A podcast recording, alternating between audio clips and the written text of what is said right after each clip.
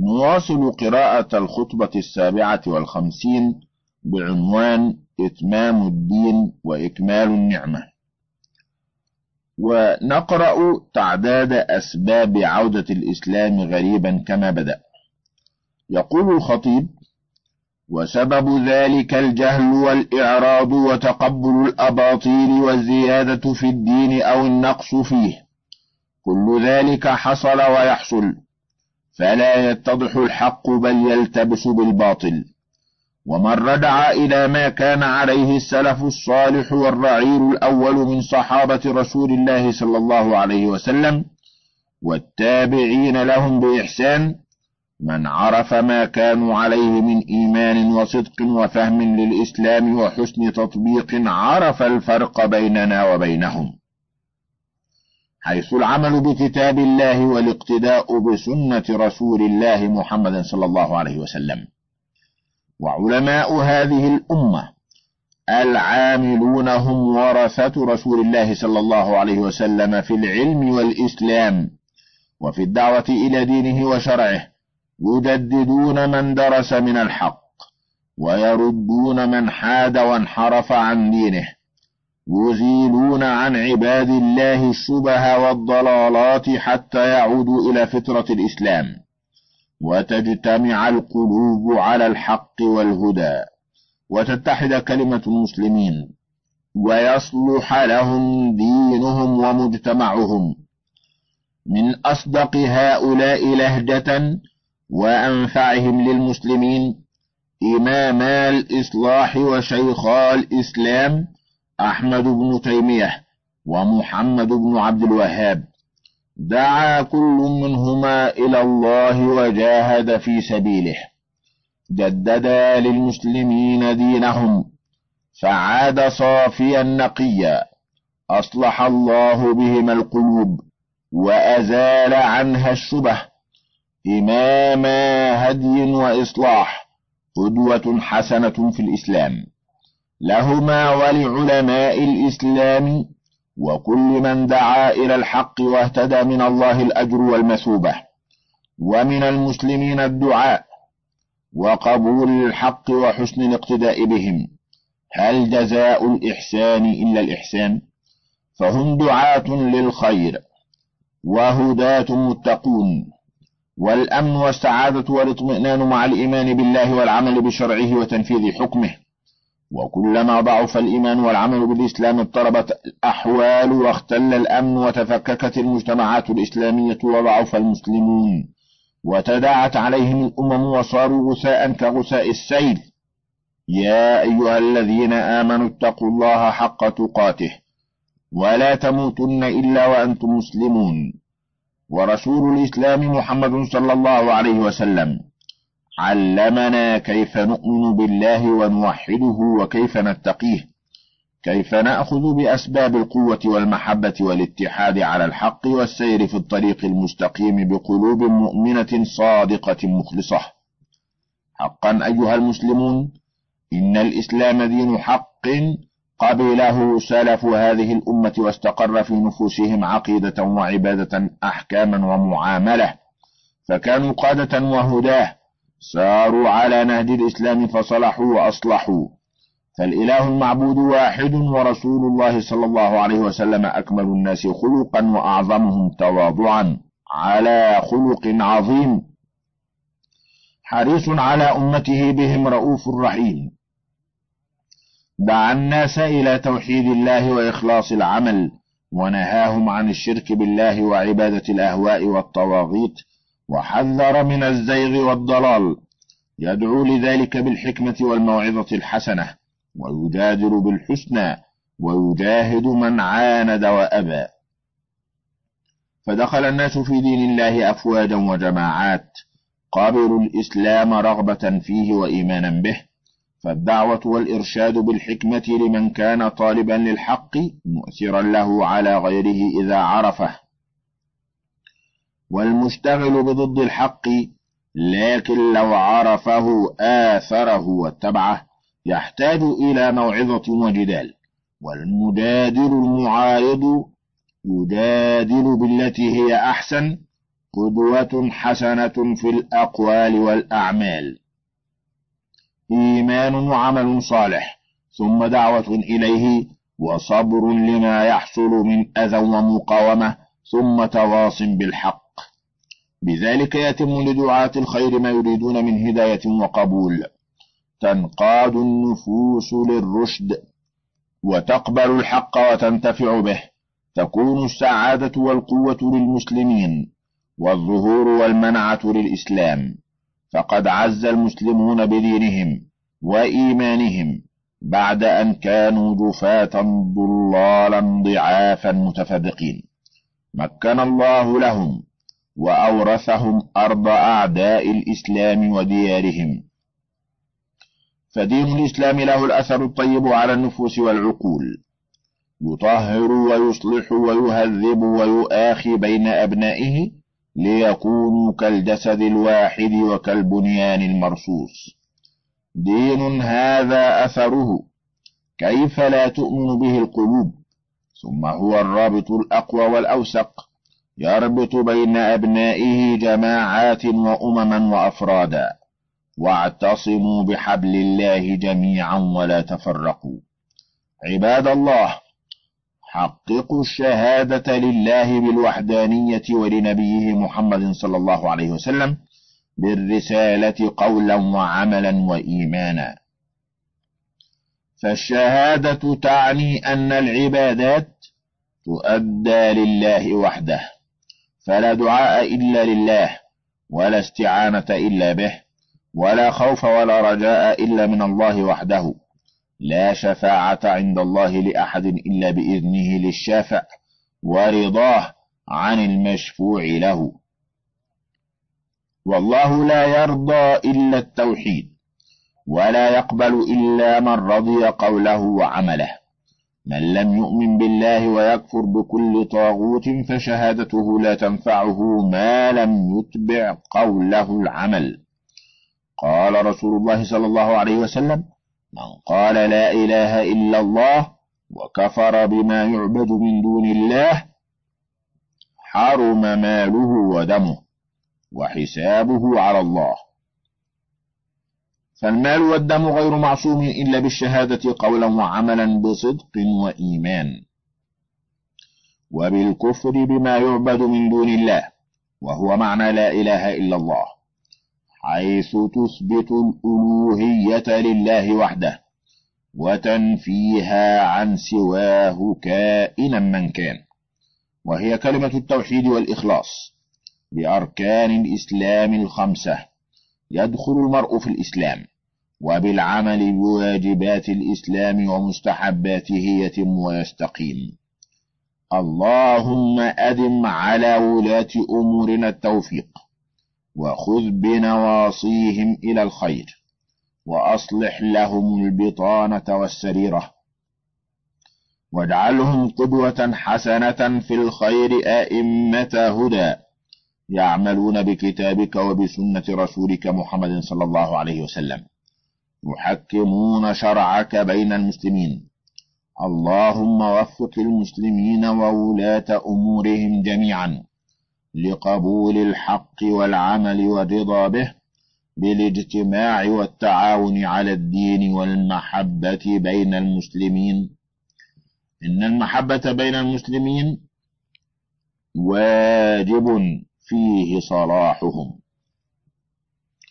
وفي لقاءات المسلمين وفي مؤتمراتهم الإسلامية في جمعهم وأعيادهم وفي مثل هذا الاجتماع العظيم والمؤتمر الإسلامي الكبير الحج الأكبر في كل الذي دعاكم إليه ربكم فأجبتم داعي الله ملبين له طائعين تسألونه الهداية والتوفيق والمغفرة والقبول. في كل ذلك منافع وفوائد للمسلمين. أمرهم الله بها وأرشدهم فاغتنمها أيها المسلم واتق الله حيثما كنت. وفي هذا الموقف العظيم تتنزل الرحمة وتغفر الذنوب وتقال العثرات. تتجه القلوب المؤمنة إلى الله داعية خاشعة مخلصة. تسأله القبول والمغفرة. والبقاء على الإسلام حتى الممات. يلتقي المسلم بأخيه يحصل التعارف بينهم والتعاون على الحق والخير والتواصي به ويشهدوا منافع لهم. فبالإسلام وباللقاءة عليه يقوى الإيمان ويحصل التعاون على الخير وتعلو راية الإسلام. اللهم اجعلنا جميعا هداة مهتدين صلحاء مصلحين. قل بفضل الله وبرحمته فبذلك فليفرحوا هو خير مما يجمعون من فضل الله الإسلام ورحمته أن جعلنا من أهل الإسلام وجعل لنا أئمة وولاة أمور نرجو الله ونسأله أن يجعلهم من خير الدعاة إلى الله وإلى شرعه الداعين لعقيدة التوحيد المحكمين للإسلام توحيدا وأحكاما المنفذين لشرع الله وحدوده. اللهم اجعلنا ممن يتقبل الحق وينقاد لأوامر الله ويعمل بالإسلام. اللهم دمر اليهود وأعوانهم ومن شايعهم. اللهم اهزمهم وزلزلهم وانصرنا على القوم الظالمين. اللهم أنزل بأسك وغضبك على من كذبوا رسلك وأعرضوا عن الحق. حجاج بيت الله الحرام. لبيتم دعوة ربكم للحج. لبيك اللهم لبيك. لبيك لا شريك لك لبيك. حج رسول الله صلى الله عليه وسلم. وحج كثير من المسلمين معه. يقتدون به هو صلى الله عليه وسلم يعلم الناس ويرشدهم كيف يحجون وكيف يؤدون المناسك. كان صلى الله عليه وسلم يقول بعد كل عمل يعمله في الحج أو قول يقوله فيه يقول خذوا عني مناسككم لعلي لا ألقاكم بعد عامي هذا. وفي مثل هذا اليوم خطب صلى الله عليه وسلم خطبته العظيمة البليغة الجامعة النافعة. أمر الناس فيها بتقوى الله وطاعته ونهاهم عن الشرك والظلم وطاعة الشيطان. حرم فيها دماء المسلمين وأعراضهم وأموالهم إلا بحق. حرم الربا وأكل أموال الناس بالباطل. أحل ما أحله الله وحرم ما حرمه. أحل البيع وحرم الربا. يا أيها الذين آمنوا اتقوا الله وذروا ما بقي من الربا إن كنتم مؤمنين. فإن لم تفعلوا فأذنوا بحرب من الله ورسوله. وأوصى بالنساء خيرا بين ما لهن وما عليهن. علم الناس كيف الوقوف بعرفة والمشعر الحرام. متى يكون وكيف يؤدي الحاج أعمال حجه؟ وقف رسول الله صلى الله عليه وسلم بعرفة بعد زوال الشمس وبعد أن صلى الظهر والعصر قصرا وجمع تقديم. وسنقتدي به ونفعل. وقف عند الصخرات مستقبلا القبلة وقال صلى الله عليه وسلم وقفت هنا وعرفة كلها موقف. وارفعوا عن بطن عرنه. لهذا الوادي الذي نحن فيه فهو ليس بموقف. والحج عرفة وهو الركن الأعظم في الحج. من لم يقف بعرفة حتى خرج وقت الوقوف وهو إلى طلوع فجر يوم النحر فقد فاته الحج. فاتقوا الله أيها المسلمون وأدوا أيها الحجاج مناسككم. مقتدين برسول الله صلى الله عليه وسلم في حجكم وجميع أعمالكم فخير الهدي هدي محمد صلى الله عليه وسلم. واحذروا ما يفسد العمل من مراءات أو سمعة تفوت عليكم المصالح والمنافع التي أنعم الله عليكم بها. حجاج بيت الله الحرام ضيوف الرحمن ووفده قفوا بعرفة بعد زوال الشمس إلى غروبها. واذكروا الله كثيرا وسبحوه. أكثروا من التضرع وسؤال الله المغفرة والقبول. واطلبوا منه النصر على أعدائكم أعداء دينكم. واسألوه أن يصلح لكم دينكم ودنياكم وآخرتكم ويصلح فساد قلوبكم. اللهم تقبل منا دعاءنا والعمل وتب علينا. اللهم هب المسيئين منا للمحسنين. اللهم اغفر لنا في يومنا هذا أجمعين. واجعلنا ممن تباهي به اليوم ملائكتك. ضيوف الرحمن يوم عرفة أفضل أيام العام. في عشيته ينزل الرب تبارك وتعالى إلى سماء الدنيا كما يليق بجلاله فيباهي ملائكته بأهل عرفة. يقول إلهنا ومعبودنا ملائكة انظروا إلى عبادي أتوني شعثا غبرا ارجعوا عبادي قد غفرت لكم ولمن شفعتم فيه. قال رسول الله صلى الله عليه وسلم أفضل الدعاء دعاء يوم عرفة وأفضل ما قلت أنا والنبيون من قبلي لا إله إلا الله وحده لا شريك له له الملك وله الحمد وهو على كل شيء قدير. وقال صلى الله عليه وسلم من حد فلم يرفث ولم يفسق خرج من ذنوبه كيوم ولدته أمه. ثم انصرفوا تقبل الله منكم بعد غروب الشمس إلى مزدلفة. وعليكم السكينة سائلين الله وملبين ومزدلفة كلها موقف. صلوا بها المغرب والعشاء جمعا وقصرا. وبيتوا بها. واذكروا الله عند المشعر الحرام كما أمركم الله.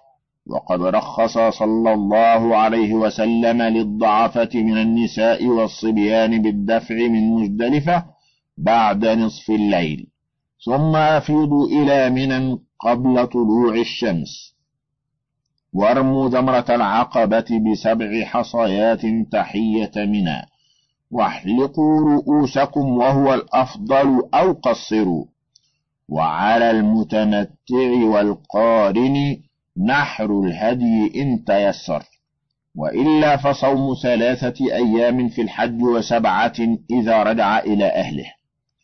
ثم أفيضوا إلى مكة وطوفوا بالبيت العتيق لحجكم واسعوا بين الصفا والمروة إن لم تكونوا قد سعيتم من قبل. ويسعى المتمتع سعيين ثم ارجعوا إلى منى وأقيموا فيها أيام التشريق إن لم تتعجلوا. وارموا الجمرات الثلاث في كل يوم من أيام التشريق بعد زوال الشمس. كل جمرة بسبع حصايات كحصى الخذف مبتدئين بالجمرة التي تلي مسجد الخيف ثم الوسطى ثم جمرة العقبة ثم أفيضوا إلى مكة سائلين الله المغفرة والقبول والحياة الطيبة. أعوذ بالله من الشيطان الرجيم. فإذا أفضتم من عرفات فاذكروا الله عند المشعر الحرام واذكروه كما هداكم وإن كنتم من قبله لمن الضالين. ثم أفيضوا من حيث أفاض الناس واستغفروا الله إن الله غفور رحيم. فإذا قضيتم مناسككم فاذكروا الله كذكركم آباءكم أو أشد ذكرًا. فمن الناس من يقول ربنا آتنا في الدنيا وما له في الآخرة من خلاق. ومنهم من يقول ربنا آتنا في الدنيا حسنة وفي الآخرة حسنة وقنا عذاب النار. أولئك لهم نصيب مما كسبوا. والله سريع الحساب. واذكروا الله في أيام معدودات. فمن تعجل في يومين فلا إثم عليه. ومن تأخر فلا إثم عليه لمن اتقى. واتقوا الله واعلموا أنكم إليه تحشرون. الخطبة الثامنة والخمسون من خطب الرسول عليه السلام يوم عرفة. الحمد لله نحمده ونستعينه ونستغفره ونستهديه ونعوذ بالله من شرور أنفسنا وسيئات أعمالنا. من يهد الله فلا مضل له ومن يضلل فلا هادي له. وأشهد أن لا إله إلا الله وحده لا شريك له. ولا معين ولا ظهير. خلق فقدر وقدر فيسر فكل ميسر لما خلق له. وأشهد أن نبينا محمدا عبده ورسوله أكرم نبي أنزل عليه أشرف كتاب. نبي أكمل الله به الدين وأتم علينا به النعمة. اللهم صل على عبدك ورسولك محمد وعلى آله وأصحابه وسلم تسليما كثيرا. أما بعد. أيها المسلمون في مثل هذا اليوم العظيم يوم عرفة ويوم الجمعة بعدما زالت الشمس خطب رسول الله صلى الله عليه وسلم الناس فحمد الله وأثنى عليه بما هو أهله ثم أوصى الناس بتقوى الله وامتثال أوامره واجتناب نواهيه وحثهم على طاعته ثم قال أيها الناس اسمعوا مني. فإنني لا أدري لعلي لا ألقاكم بعد عامي هذا. أيها الناس إن دماءكم وأموالكم حرام إلى أن تلقوا ربكم كحرمة يومكم هذا في شهركم هذا. حرم على الناس دماءهم وأموالهم وأعراضهم. وقال هي حرام كحرمة يوم عرفة في شهر ذي الحجة في بلد الله الحرام. وأوصى بالنساء خيرا وأخبر أنهن ضعيفات وأن لهن حقوقا وواجبات وأن للرجال عليهن حقوقا وواجبات. يجب أن تؤدى. وحرم الربا وأمر بالاعتصام بكتاب الله وسنته صلى الله عليه وسلم فقال تركت فيكم ما إن تمسكتم به لن تضلوا. كتاب الله. وأخبر أن المسلم أخو المسلم وأن المسلمين إخوة. فلا يحل لمسلم من أخيه إلا ما أعطاه عن طيب نفس منه. حجاج بيت الله. إن من أعظم المنافع في الحج التي ذكرها الله بقوله ليشهدوا منافع لهم هو التناصح في هذا الاجتماع الكبير والتواصي بالحق فعسى أن نستفيد من فرصة هذا الاجتماع وألا نتركها تذهب سدى. عباد الله إن أفضل يوم طلعت عليه الشمس هو يوم عرفة ينزل فيه الرب إلى سماء الدنيا ويباهي ملائكته بأهل عرفة فيقول هؤلاء عبادي جاءوني شعثا من كل فج عميق يرجون رحمتي ومغفرتي فلو كانت ذنوبهم كعدد الرمل لغفرتها. أفيضوا عبادي مغفورا لكم ولمن شفعتم فيه. وقال الرسول صلى الله عليه وسلم أفضل الدعاء دعاء يوم عرفة. وأفضل ما قلت أنا والنبيون من قبلي لا إله إلا الله وحده لا شريك له له الملك وله الحمد وهو على كل شيء قدير. فأكثروا من الدعاء والذكر والتضرع وسؤال الله المغفرة والعتق من النار. وأخلصوا لله أعمالكم واجتهدوا في أن يكون المأكل والملبس والمشرب حلالا. فأنا يستجاب لمن يمد يديه ومأكله حرام ومشربه حرام وملبسه حرام. فاتقوا الله عباد الله وبادروا بالتوبة والندم على ما فات واستقبلوا حياتكم بأعمال صالحة وحققوا أحكام مناسككم لئلا تشتبه عليكم. واجتنبوا الحرام في المطعوم والمشروب والمركوب فأنا يستجاب لمن يمد يده. يا رب يا رب. ومطعمه حرام ومشربه حرام ومركبه حرام. واجتهدوا أن يكون حجكم مبرورا. قال صلى الله عليه وسلم الحج المبرور ليس له جزاء إلا الجنة. واحذروا الجدال والرفث والفسوق في الحج لتخرجوا من ذنوبكم كيوم ولدتكم أمهاتكم. قال صلى الله عليه وسلم من حج ولم يرفث ولم يفسق خرج من ذنوبه كيوم ولدته أمه. وقفوا بعرفة بعد الزوال. وعرفة كلها موقف إلا بطن عرنة. وانصرفوا بعد غروب الشمس إلى مزدلفة. وامشوا عليكم السكينة. كما أمر بذلك نبينا صلى الله عليه وسلم.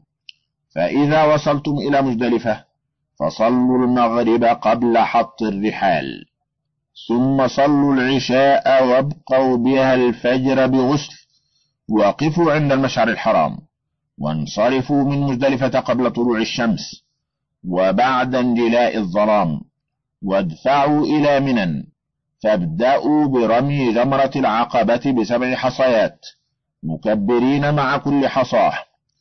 ثم لينحر من وجب عليه هدي. ثم احلقوا رؤوسكم وهو الأفضل أو قصروا. ثم أفيضوا إلى مكة وطوفوا بالبيت العتيق. ثم ارجعوا إلى منى. وأقيموا بها أيام التشريق الثلاثة. إن لم تتعجلوا. ثم ارموا الجمرات الثلاث أيام التشريق في كل يوم بعد الزوال. وقفوا بعد كل رمي بمقدار قراءة سورة من السور الطوال. ثم أفيدوا إلى مكة سائلين الله عفوه وغفرانه واحذروا المعاصي بعد ذلك. فإذا أفضتم من عرفات فاذكروا الله عند المشعر الحرام واذكروه كما هداكم وإن كنتم من قبله لمن الضالين. ثم أفيضوا من حيث أفاض الناس واستغفروا الله إن الله غفور رحيم. فإذا قضيتم مناسككم فاذكروا الله كذكركم آباءكم أو أشد ذكرًا. فمن الناس من يقول ربنا آتنا في الدنيا وما له في الآخرة من خلاق. ومنهم من يقول ربنا آتنا في الدنيا حسنة وفي الآخرة حسنة وقنا عذاب النار. أولئك لهم نصيب مما كسبوا والله سريع الحساب. واذكروا الله في أيام معدودات فمن تعجل في يومين فلا إثم عليه ومن تأخر فلا إثم عليه لمن اتقى. واتقوا الله واعلموا أنكم إليه تحشرون. من فضلك تابع بقية المادة.